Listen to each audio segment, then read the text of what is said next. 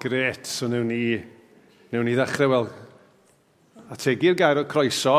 A o'n i'n, um, wrth baratoi nodiadau mewn, i'n teimlo, dwi'n teimlo dylen ni ddweud croeso i diolch am oli the sequel. Achos gaethon ni ddiolchgarwch wythnos dwytha do gan Hanna. Uh, a mae'n ryfedd yn dydi, achos dyn ni wedi pwysleisio trwy'r gyfres yma bod y salmau yn amrywiol iawn – Ond nawr mae gennym ni ddwy sy'n deb, ddau thema sy'n debyg i'w gilydd. Fi o'n i'n edrych ar neges tebyg iawn gan Hanna wythnos dwytha ar salm 92. A wrth i ni feddwl am y salm yna, a'r syniad yma o salm o ddiolchgarwch, ac wrth i ni wrando eto neu cael trafodaeth yn ein grŵp cymuned, dwi'n siŵr bod ni wedi gweld eto pa mor bwysig ydy, ydy bod yn ddiolchgar a bod y diolchgarwch yna yn dod o'n colonnau ni.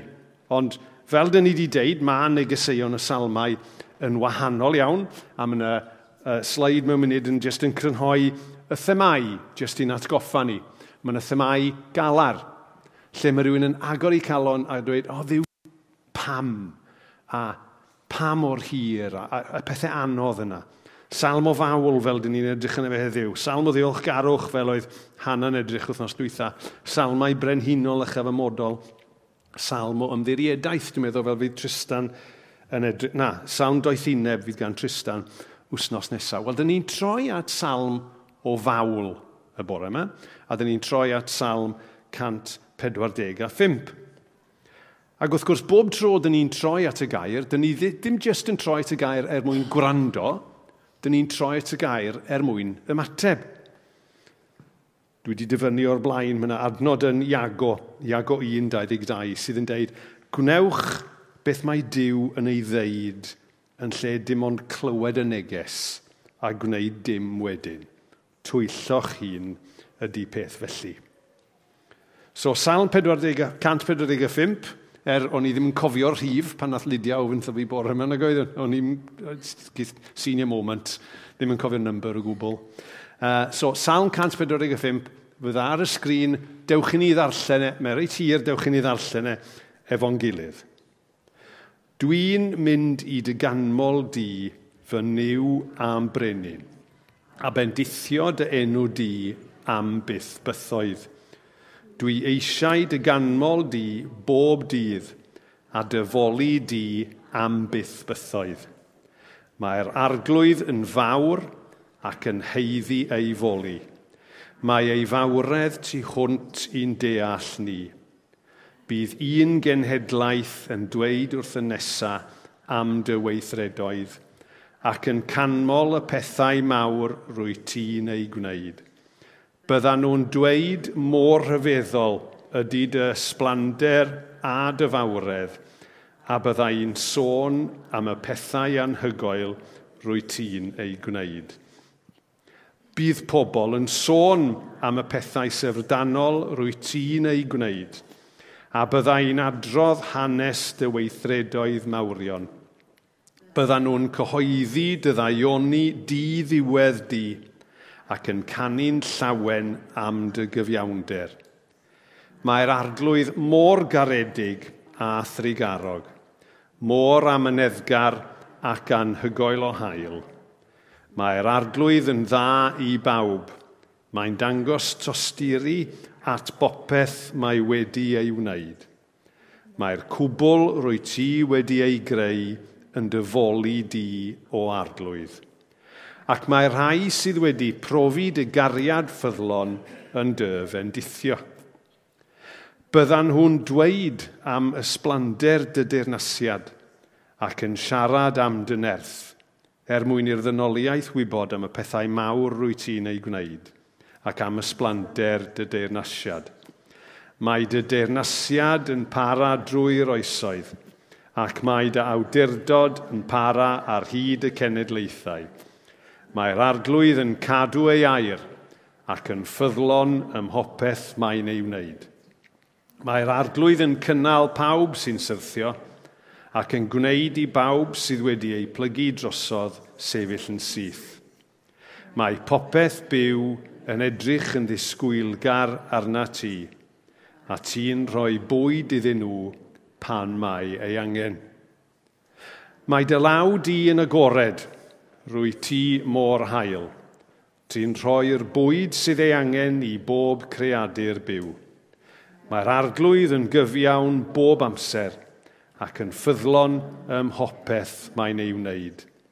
Mae'r arglwydd yn agos at y rhai sy'n galw arno, at bawb sy'n ddidwyll pan maen nhw'n galw arno.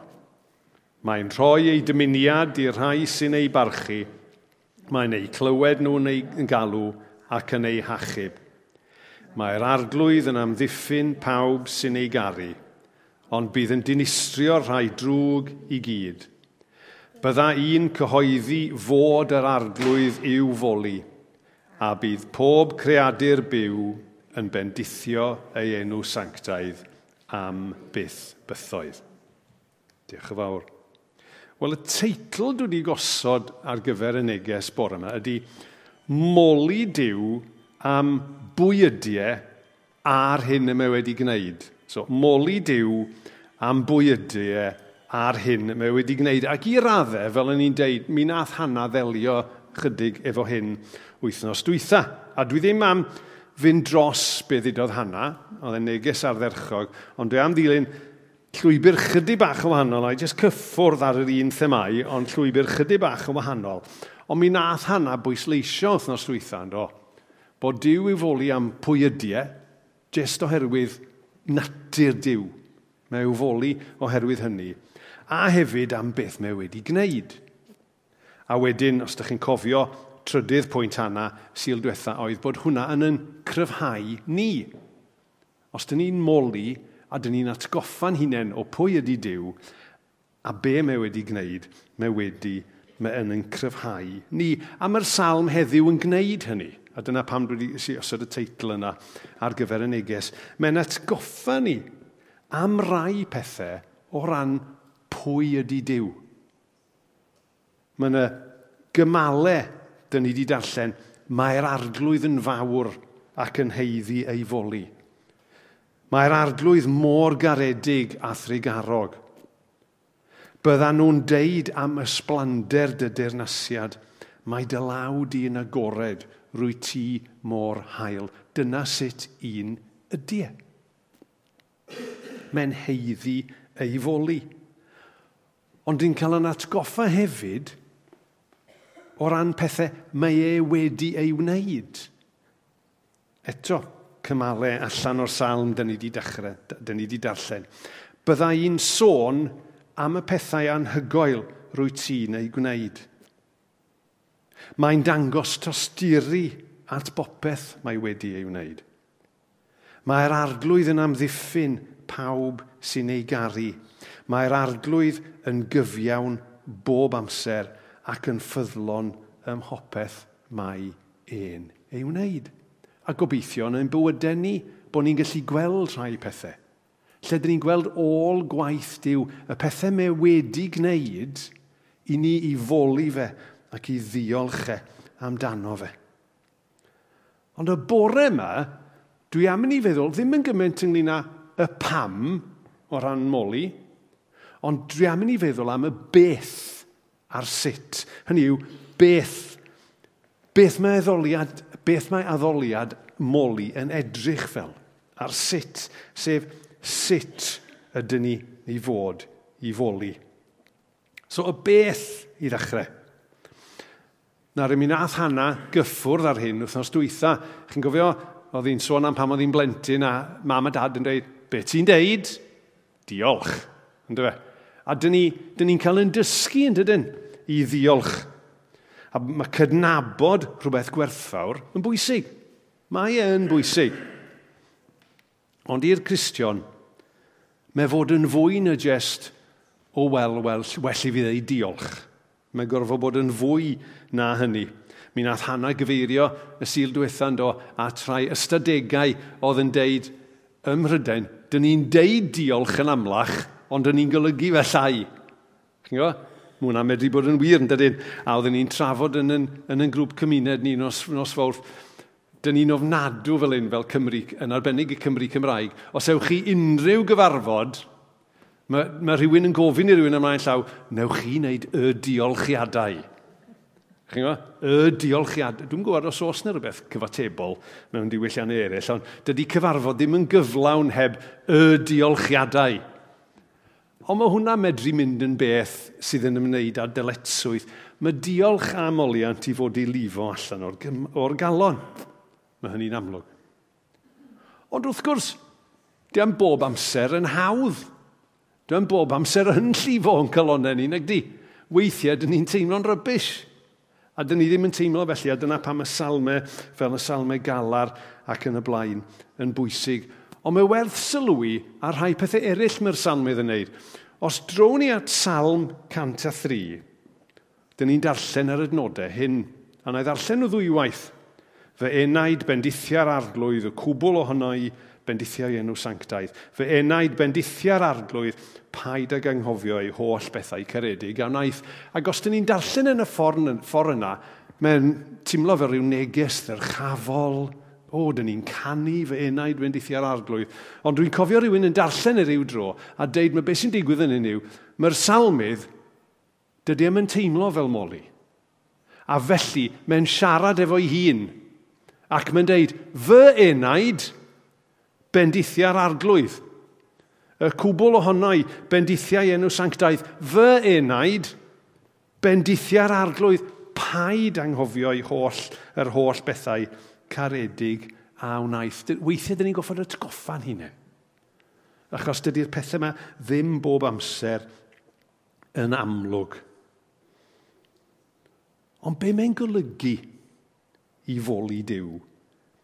A sut dyn ni'n gwneud hynny?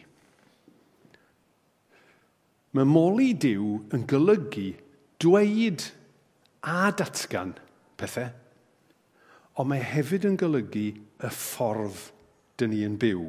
Mae'n golygu dweud a datgan, ond hefyd y ffordd dyn ni'n byw. Mae'n golygu deud pethau. Mae'n golygu canu. Dyn ni wedi bod yn moli bore yma, do. Dyn ni wedi bod yn canu gyda'n gilydd. Mae'n golygu deud pethau am yr arglwydd ar yn pen hunain a gyda phobl eraill. A mae yna werth a bydd i foli Dyw, achos dyn ni'n deud y gwir amdano fe. Dyn ni'n deud y pethau rhyfeddol a gwir yna amdano fe. A mae yna rym a nerth arbennig wrth i gael pa mae criw o bobl yn gwneud e efo'n gilydd. Mae yna werth iddo fe pan dyn ni ar pen yn hunain. Ond mae'n teimlo'n llawnach rhywsut bod cynulleidfa o'i bobl yn deud ac yn canu ac yn cyhoeddi'r pethau yma efo'i gilydd. A mae hynny'n fwy na just profiad emosiynol, mae'n golygu deud neu cyhoeddi ar yn pennau'n hunain a gyda'n gilydd, ond mae hefyd yn golygu, dwi'n mynd os wnaethoch chi sylwi ar yr adnod, mae hefyd yn golygu deud wrth bobl eraill. Grandwch ar yr adnod yma. Bydd un genhedlaeth yn deud wrth y nesa am dy weithredoedd – ac yn canmol y pethau mawr rwy ti'n ei gwneud, byddan nhw'n deud mor rhyfeddol ydy dy ysblander a dy fawredd, a bydda un sôn am y pethau anhygoel rwy ti yn ei wneud. Yn ei gwneud. Mae mor werthfawr. Mae yna batrwm fan hyn, chyngo. Mae yna batrwm fan hyn ar gyfer bywyd eglwys. A mae'n batrwm sy'n bryn iawn mewn cymdeithas heddiw pobl o genedlaethau gwahanol, o oedrannau gwahanol, yn dysgu oddi wrth i gilydd ac yn rhannu gyda'i gilydd. Byddan nhw'n deud mor ryfeddol ydy dy ysblander a dyfawredd, a byddai'n sôn am y pethau anhygoel rwy ti neu gwneud ar draws yr oedrannau. Meddyliwch pa mor werthfawr ydy e hynny yw, dyn ni'n goffa dychmygu'r peth. Meddyliwch pa mor werthfan oedd e, pa mor o rywun oedran dennis yma, a oedd e'n stel awr efo rywun oedd yn hollol newydd neu'n ifanc yn y ffydd, a gallu rhannu fo'i gilydd. A gallu rhannu bod gan y ddau berthynas efo'r un diw ac yn y blaen. Felly mae yna ddeud a datgan.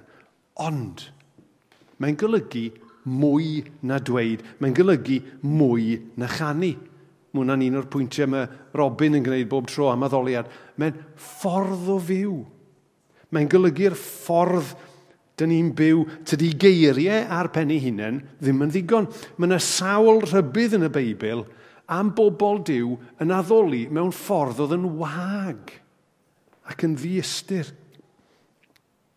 Grandwch, ar y geiriau mae, mae Iesu yn ei deud yn efengil Marc, Marc penod 7, lle mae'n cyfeirio nôl at rhywbeth oedd Ezeia wedi deud. A tebodd Iesu, roedd Ezeia yn llygad ei le pan broffwydodd amdano chi. Dych chi mor ddaiwynebog.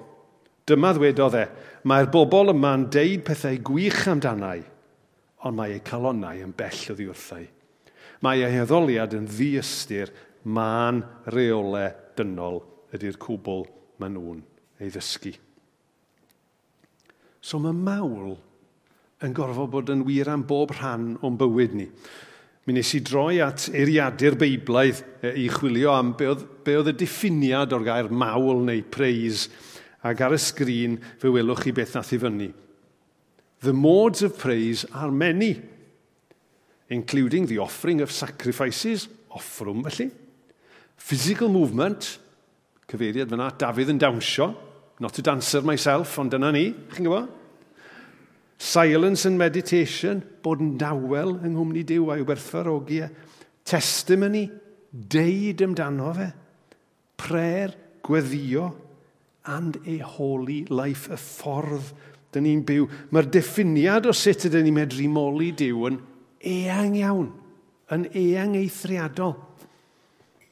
Ac wrth feddwl am hynny, dwi'n cael fy atgoffa o linell o un o fy hoff ffilmiau. Dwi, mae hwn yn fynyddio i, ond un o fy hoff ffilmiau oedd y ffilm Chariots of Fire. A un o fy hoff linellau allan o'r ffilm Chariots of Fire oedd un o ffrindiau Eric Liddell, neu falle rhywun o'r teulu yn deud wrtho fe, you can glorify God by peeling a potato if you'd peel it to perfection. Just rhan o fywyd bod ni'n rhoi clod i ddiw yn y ffordd dyn ni'n byw. Ac yn y testament newydd, mae Paul yn deud yn rifiniau deuddeg adnod un. Felly, am fod Dyw wedi bod mor drigarog wrthoch chi, frodyr a chwiorydd, dwi'n apelio ar i chi roi eich hunain yn llwyr i ddiw, cyflwyno eich hunain iddo yn aberth byw, i'n lan ac yn dderbyn, un sy'n lan ac yn dderbyniol ganddo. Dyna beth ydy addoliad go iawn. Cyflwyno'n hunain. Rhoi yn hunain. Dyna beth ydy addoliad go iawn. Felly mae Dyw yn heiddi ei foli.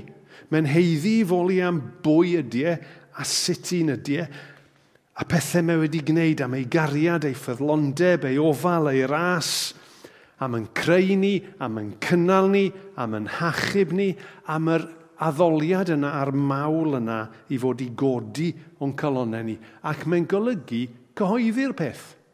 Mae'n golygu deud, mae'n golygu canu, mae'n golygu datgan, deud ar yn pennau'n hunain a gydag eraill. Ond mae'n golygu hefyd gweithio hynny allan yn ein bywydau bob dydd.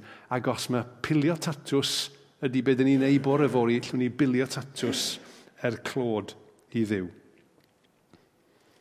Sut mae hynny'n edrych yn eich bywyd chi ac yn y mywyd i? Mae'n ddiddorol. Mae'r Beibl yn gymharol dawel ynglyn â pa ffurfiau y dylen ni ddilyn ei waddoli. Mae yna enghreifftiau yna, lot o enghreifftiau o ffurfiau gwahanol. a mae yna rhai ffurfio o foliant yn dod yn fwy greddfol i rai pobl nag eraill. Ond chi'n cofio'r hester yna? Wrth foli, mi fedrwn ni fod yn dawel. Os dyn ni'n bobl swnllid, falle mae'r peth gorau fedrwn ni'n neud ydy bod yn dawel yn ei bresenoldeb e, i werthfarogi. E. Allwn ni fod yn fyfyriol, jyst oedi a meddwl a diolch sut un ydy e mi allwn ni fod yn swnllid. Mi allwn ni gannu, Mi all rhywun heblaw fi ddawnsio. Be sydd yn codi yn naturiol sydd yn bwysig. Fe all fod e'n wahanol o ran yn cymeriadau ni, ond fe allai hefyd fod yn wahanol o ran y ffordd mae Dyw yn siarad gyda ni ar y degau gwahanol yn ein bywydau ni. Mae gan y Beibl lawer i'w ddeud am heiddiant Dyw. A weithiau, fel o'n i'n deud, dyn ni ddim bob amser yn gweld hynny. Ond os dyn ni ddim yn gweld hynny, ac os di'r moliant na ddim yn llifo yn naturiol allan ohono ni, dewch i ni droi ato fe a deud hynny. Dewch i ni ddilyn esiampl y salmydd a galw arno fe, a cofio geiriau Jeremia, os byddwch yn chwilio amdana i o ddifri a'ch holl galon, byddwch chi'n fy ffeindio i. Mae'n mawl ni yn golygu canu, cyhoeddi, deud. Mae'n golygu byw. Mae'n golygu rhoi. Mae'n golygu rhoi o'n hamser ni. Mae'n golygu rhoi o'n adnoddau ni i gyflawni gwaith diw. Dewch i ni fod yn barod i foli, i roi iddo fe beth sy'n codi o'n colonnau ni, i roi iddo fe beth mae e'n heiddi oherwydd pwy ydy e a be mae wedi gwneud. A bod hyn yn fwy na jyst geiriau yn ein bywydau ni. Fel mae Paul yn deud, os dyn ni'n rhoi'r cyfan sydd gynno ni, dyna beth ydy addoliad go iawn. Dewch i ni weddio. O arglwydd, mae'n y gymaint amdano ti i'w foli ac i lawenhau amdano. Dyn ni'n diolch i ti am dy gymeriad di, am bwy wyt ti. Dyn ni'n diolch i ti dy fod ti yn ddiw hael, amyneddgar, cariadus, cryf a chadarn sy'n delio â ni yn hael iawn, iawn, iawn ac yn raslo'n iawn. Dyn ni'n diolch i ti am bob dim wyt ti wedi gwneud yn ein bywydau ni. Nyn ni'n diolch i ti am y ffaith dy fod ti eisiau bod ar waith yn ein bywydau ni nawr. Arglwydd, helpa ni i ymateb. Helpa ni i ymateb efo'n geiriau, efo'n can, ond yn fwy na dim byd efo'n bywydau. Yn bod ni'n rhoi yn hunain yn ôl i ti. Oherwydd mae dyna beth yw addoliad go iawn. Arglwydd, dyn ni'n gofyn peth mawr. Dyn ni'n gofyn rhywbeth sydd y tu hwnt i ni yn naturiol. Ond dyn ni'n gofyn am y bod ni'n gwybod dy fod ti eisiau'n helpu ni i wneud hyn. Ni'n gofyn hyn i gyd yn enw ac yn hyddiant ein harglwydd Iesu Grist. Amen. Iawn, wedyn uh, Laura a'r band yn dod ymlaen i arwen ni ar ddiwedd yr oedfa.